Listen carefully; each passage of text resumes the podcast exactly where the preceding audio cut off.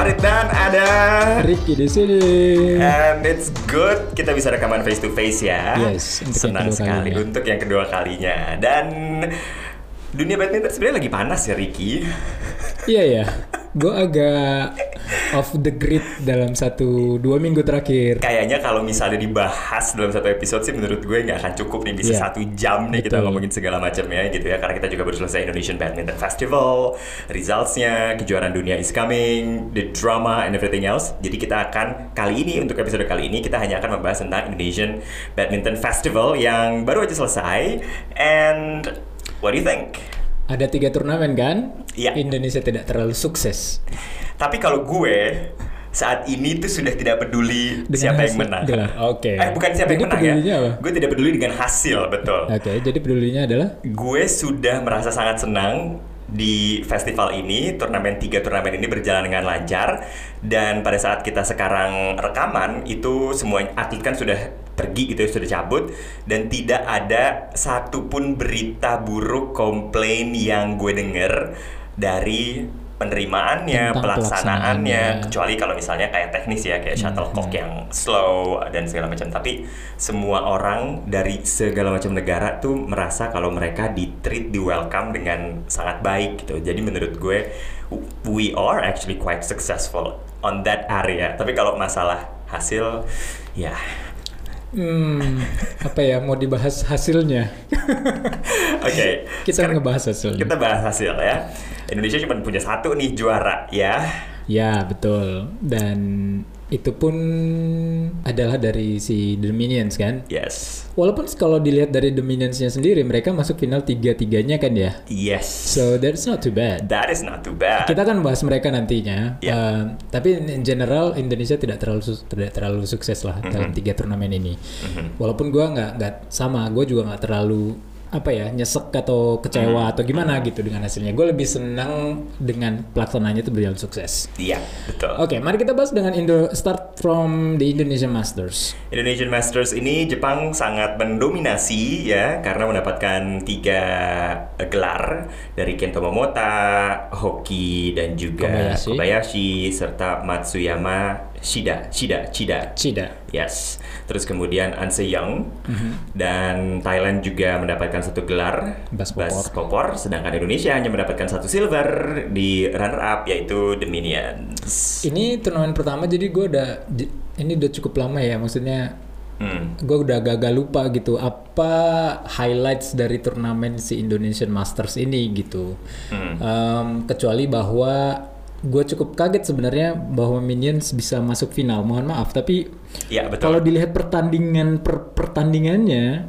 mereka bisa menang itu kurang meyakinkan kalau Hmm. kata gue sih jadi gue agak kaget mereka ternyata bisa masuk final Apalagi mereka juga kan abis pulang dari Eropa, Iya. well agak convincing sih ketika di Prancis dan juga Denmark. Tapi nah, mereka bilang mereka kurang istirahat kan Iya. dan mereka sempat komplain di pertandingan pertama sehingga mereka sempat main rubber set melawan pemain yang mm, nggak di terlalu terkenal kali ya atau seharusnya mereka bisa menang mudah kalau mereka baik-baik saja gitu. Uh, jadi uh, cukup keteteran di awal-awal tapi ternyata bisa masuk final gitu loh. betul.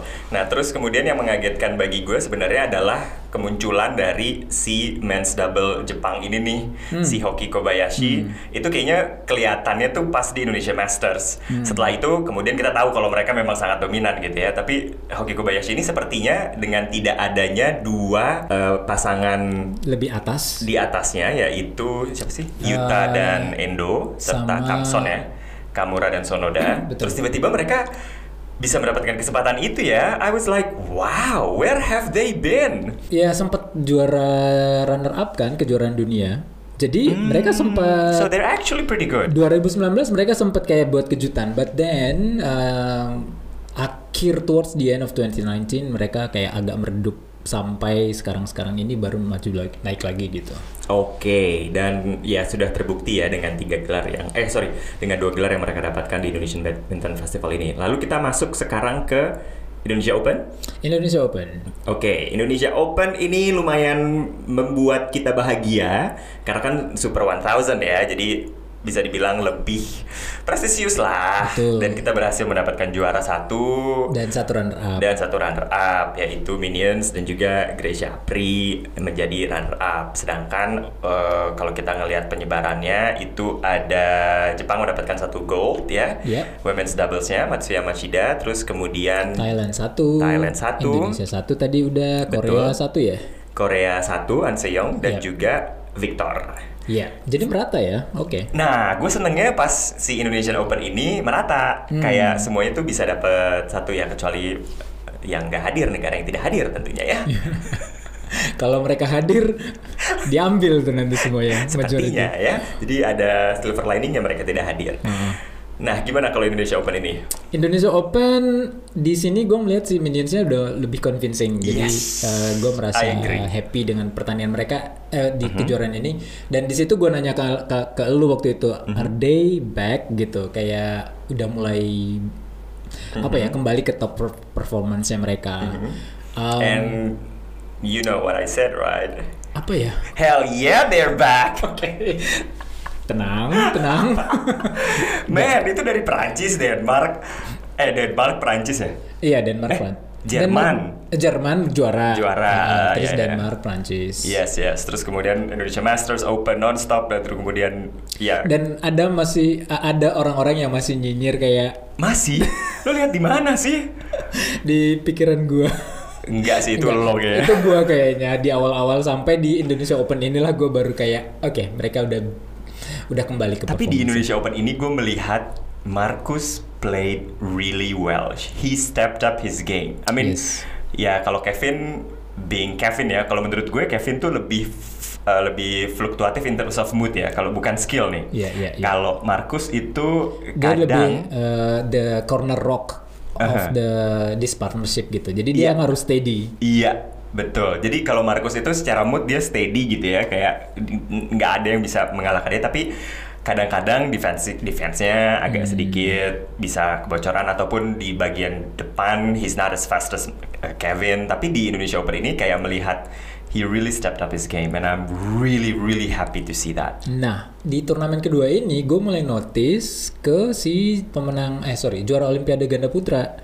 Kok kayaknya mereka nggak tampil gitu kalah kalah kalah di awal well eh, di babak perempat final atau apa gitu. Hmm. Apakah mereka men- menurut istilah eh, Om Ajil off the boil? Hmm. Em, karena sejak Olimpik relatively mereka nggak nggak perform lagi. Hmm, iya ya. Atau mungkin seperti yang lo bilang juga, mereka mengalami um, Olympic Post blues. Olympic, Karena iya. gue baru baca nih Ricky, uh, bukunya si Tom Daly, Mhm. dan dia kan dapat medali Emas. Uh, emas ya.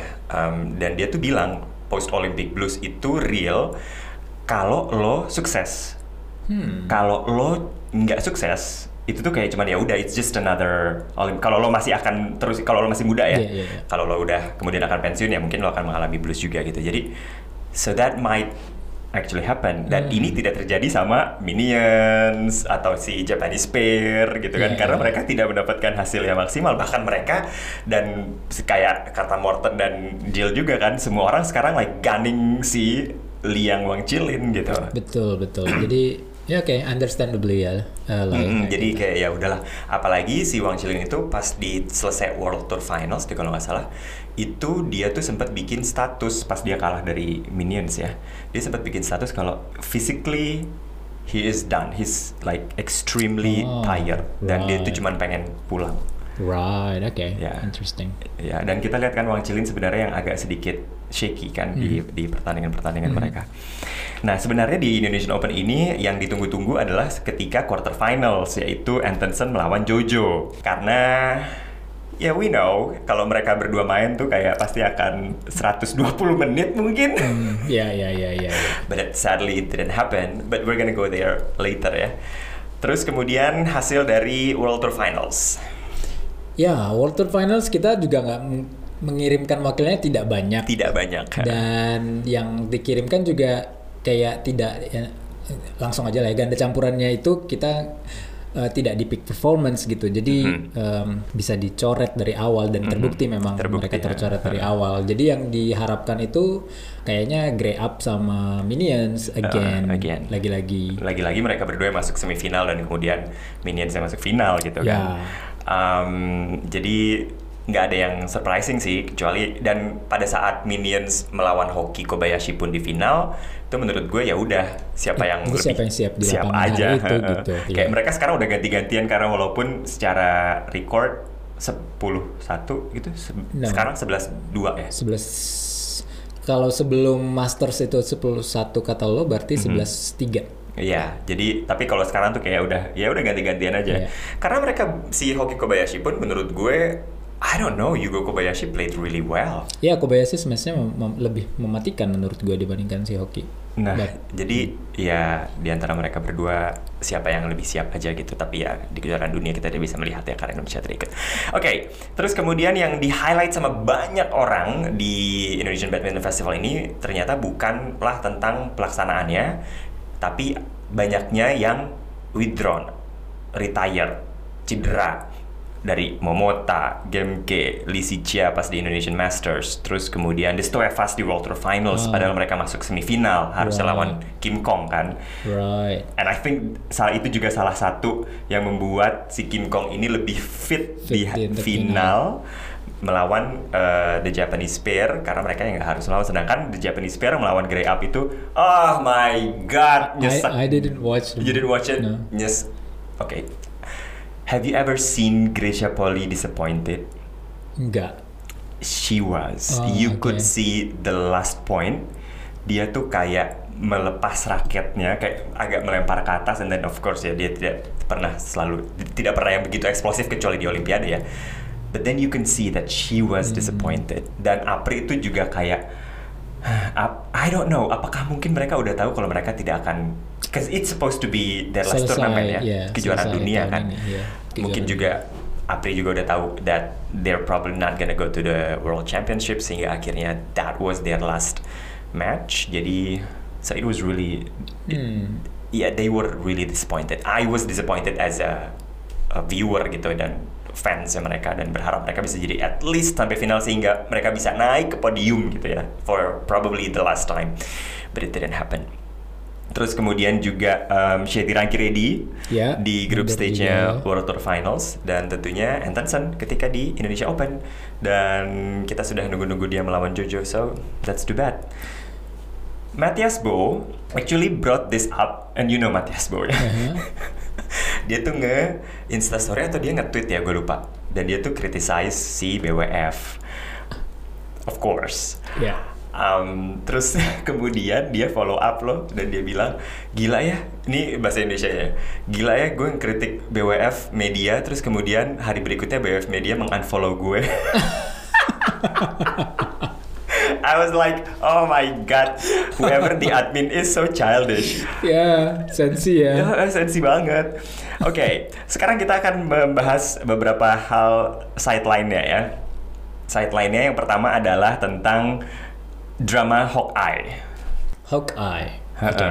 Yang- Gua I have to be honest, gua di minggu itu tidak ngikutin pertandingan Hmm. match by match gitu ya. Jadi gua nggak nggak notice bahwa ada ini until you told me before we record Hmm, this. It was it was big di social media karena atlet-atlet itu pernah ngomong, terutama atlet Denmark karena mereka juga sangat vokal ya, Anders Antonsen, Rasmussen, uh, Fittinghus semuanya tuh bahkan Om Ajil pada saat pertandingan pun jadi dan ini set point loh. Jadi waktu Minions melawan Ong Yosin, Tio Iyi set point buat the Malaysian pair. Mhm. Terus kemudian serve, ah, gue lupa siapa yang serve.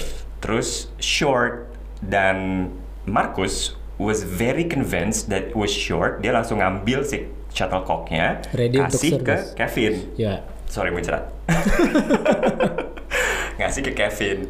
Terus tiba-tiba Tio Iyi raise his hand challenge. Ya. Um, everybody was like ya udah gitu. It's bahkan Ma- Morton kalau nggak salah bilang oh ini just a tactical challenge gitu. Ya. Terus tiba-tiba Hawkeye-nya menunjukkan kalau itu menyentuh garis.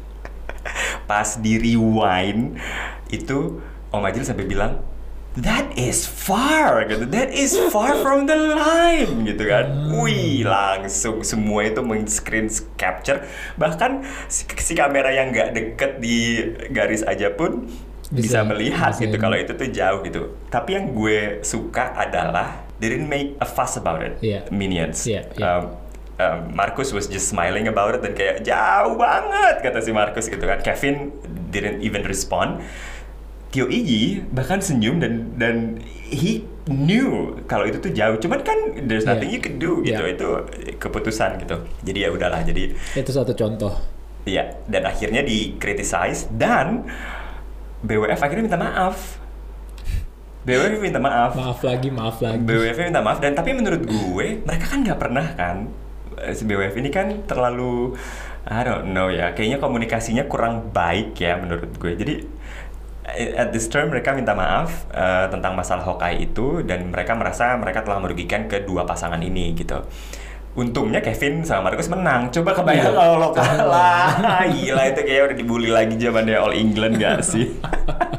Untungnya menang kan secara tiga Oke. set itu. Tapi kemudian lo tahu apa kejadian ketika semifinal ya Minions ngelawan Liang Wang Chilin World Tour Finals yang pukulannya gue lupa pukulannya Liang atau Wang Chilin itu out tapi kena kakinya Marcus. Oh, sama seperti, sama seperti ganda putri Olympic betul, final. Betul. Tapi kali ini tuh em, ya pukulannya memang menjauh ke belakang. Jadi si Marcusnya tuh mundur-mundur ke belakang dan melihat ke atas terus tiba-tiba kayaknya pas jatuhnya tuh kena kakinya dia, tapi Oke. mungkin dia tidak merasa sehingga akhirnya eh, dikasih poinnya buat Minions. Right. Tapi Liang Wang Chilin waktu itu protes. Bahkan Liang itu ngomong ke Marcus, it touched, right? It touched gitu. But Marcus didn't say anything. Right. Dan banyak yang kemudian menyesalkan. Marcus should have Kena said kaki atau something. kena sepatu? Nah itu dia gue nggak tahu.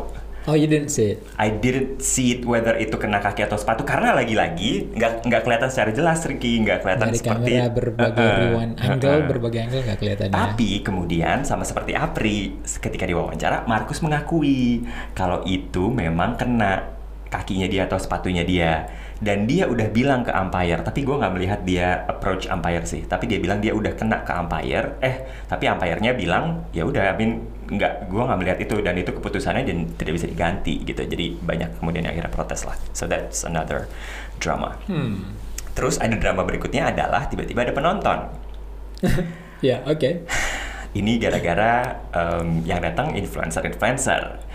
Ada atlet juga, atlet Indonesia, tapi bukan atlet badminton. Dan semua orang mempertanyakan, kok bisa Hmm. mereka masuk, kok bisa mereka mendapatkan free pass, apa kartu kartu mereka bisa masuk dan nonton gitu? Sampai dibahas juga sama Mencil. It looks like we have a spectator di sini kan gitu kan. Hmm. Terus kemudian dia di direvisi sama mereka, mereka bilang nggak nggak nggak nggak ada kok. Itu cuma pegawai hotel. Gitu. Si Om karena Om juga nggak tahu siapa who these people are yang tiba-tiba ada di stadium dan semua orang di Twitter tuh kayak yang how come mereka bisa masuk sih? Ya gitulah well basically we were jealous. Lalu si BWF-nya nggak ada ngomong apa-apa? PBSI sih yang di yang di attack sama netizen. Nggak ngomong apa-apa. PBSI nggak ngomong apa-apa. nggak ngomong apa-apa. PBSI bilang tuh kayak sponsor dari sponsor VIP dari sponsor. Cuman kan like Tetap harus nggak boleh tetapnya dong. harusnya kan ya ya kan? Oke ya gitulah terus kita juga melihat beberapa penampilan yang sangat menakjubkan ya di Indonesian Badminton Festival sini Pramudia dan Yeremia what do you think about them Oh ya, mereka cukup perform ya di, di dua turnamen. Mhm. Eh sorry, tiga ya. Mereka masuk masuk World Tour Finals dan ranking 3 bahkan di Oh. groups so it's not bad So it's not that bad for them. Mhm. Kayak first experience, jadi Mhm. bisa bisa dapat exposure lebih. That's good. Um, apa lagi ya? Lo Kuan Yu Lo Kian Yu Oh ya, Uh, He was kayaknya gue udah gue udah. Hmm. gue udah mention ini ke lo sejak dia jadi partner uh, sparring partnernya si Victor. Hmm. Kayaknya permainannya meningkat satu setengah level deh. Jadi Yes. sekarang dia udah masuk level jajaran Elite. top 8 maybe ya. Yeah. Kalau sebelumnya dia mungkin masih level Grand Prix Gold or something Yeah, like yeah, that. yeah, sekarang yeah. dia udah bisa masuk ke top 8. Ya, I agree. Dan bahkan pada saat melawan Victor pun Victor ya karena udah saling mengenal set. permainannya jadi ya gitu dia bisa mengimbangi Mhm. mengimbangi Victor. Yes. So I guess that's it about Indonesian Badminton Festival. Yang pasti kita berdua sangat senang berjalan dengan lancar dan everyone was so happy dan I think nggak ada turnamen badminton yang seperti itu lagi Hmm. sepanjang sejarah sampai saat ini di dunia ya nggak sih? Ya. It was more like a festival just like its name. Oke, kalau begitu kita ketemu lagi di episode depan. Gue Farid pamit. Saya Ricky mundur diri. Bye. Bye.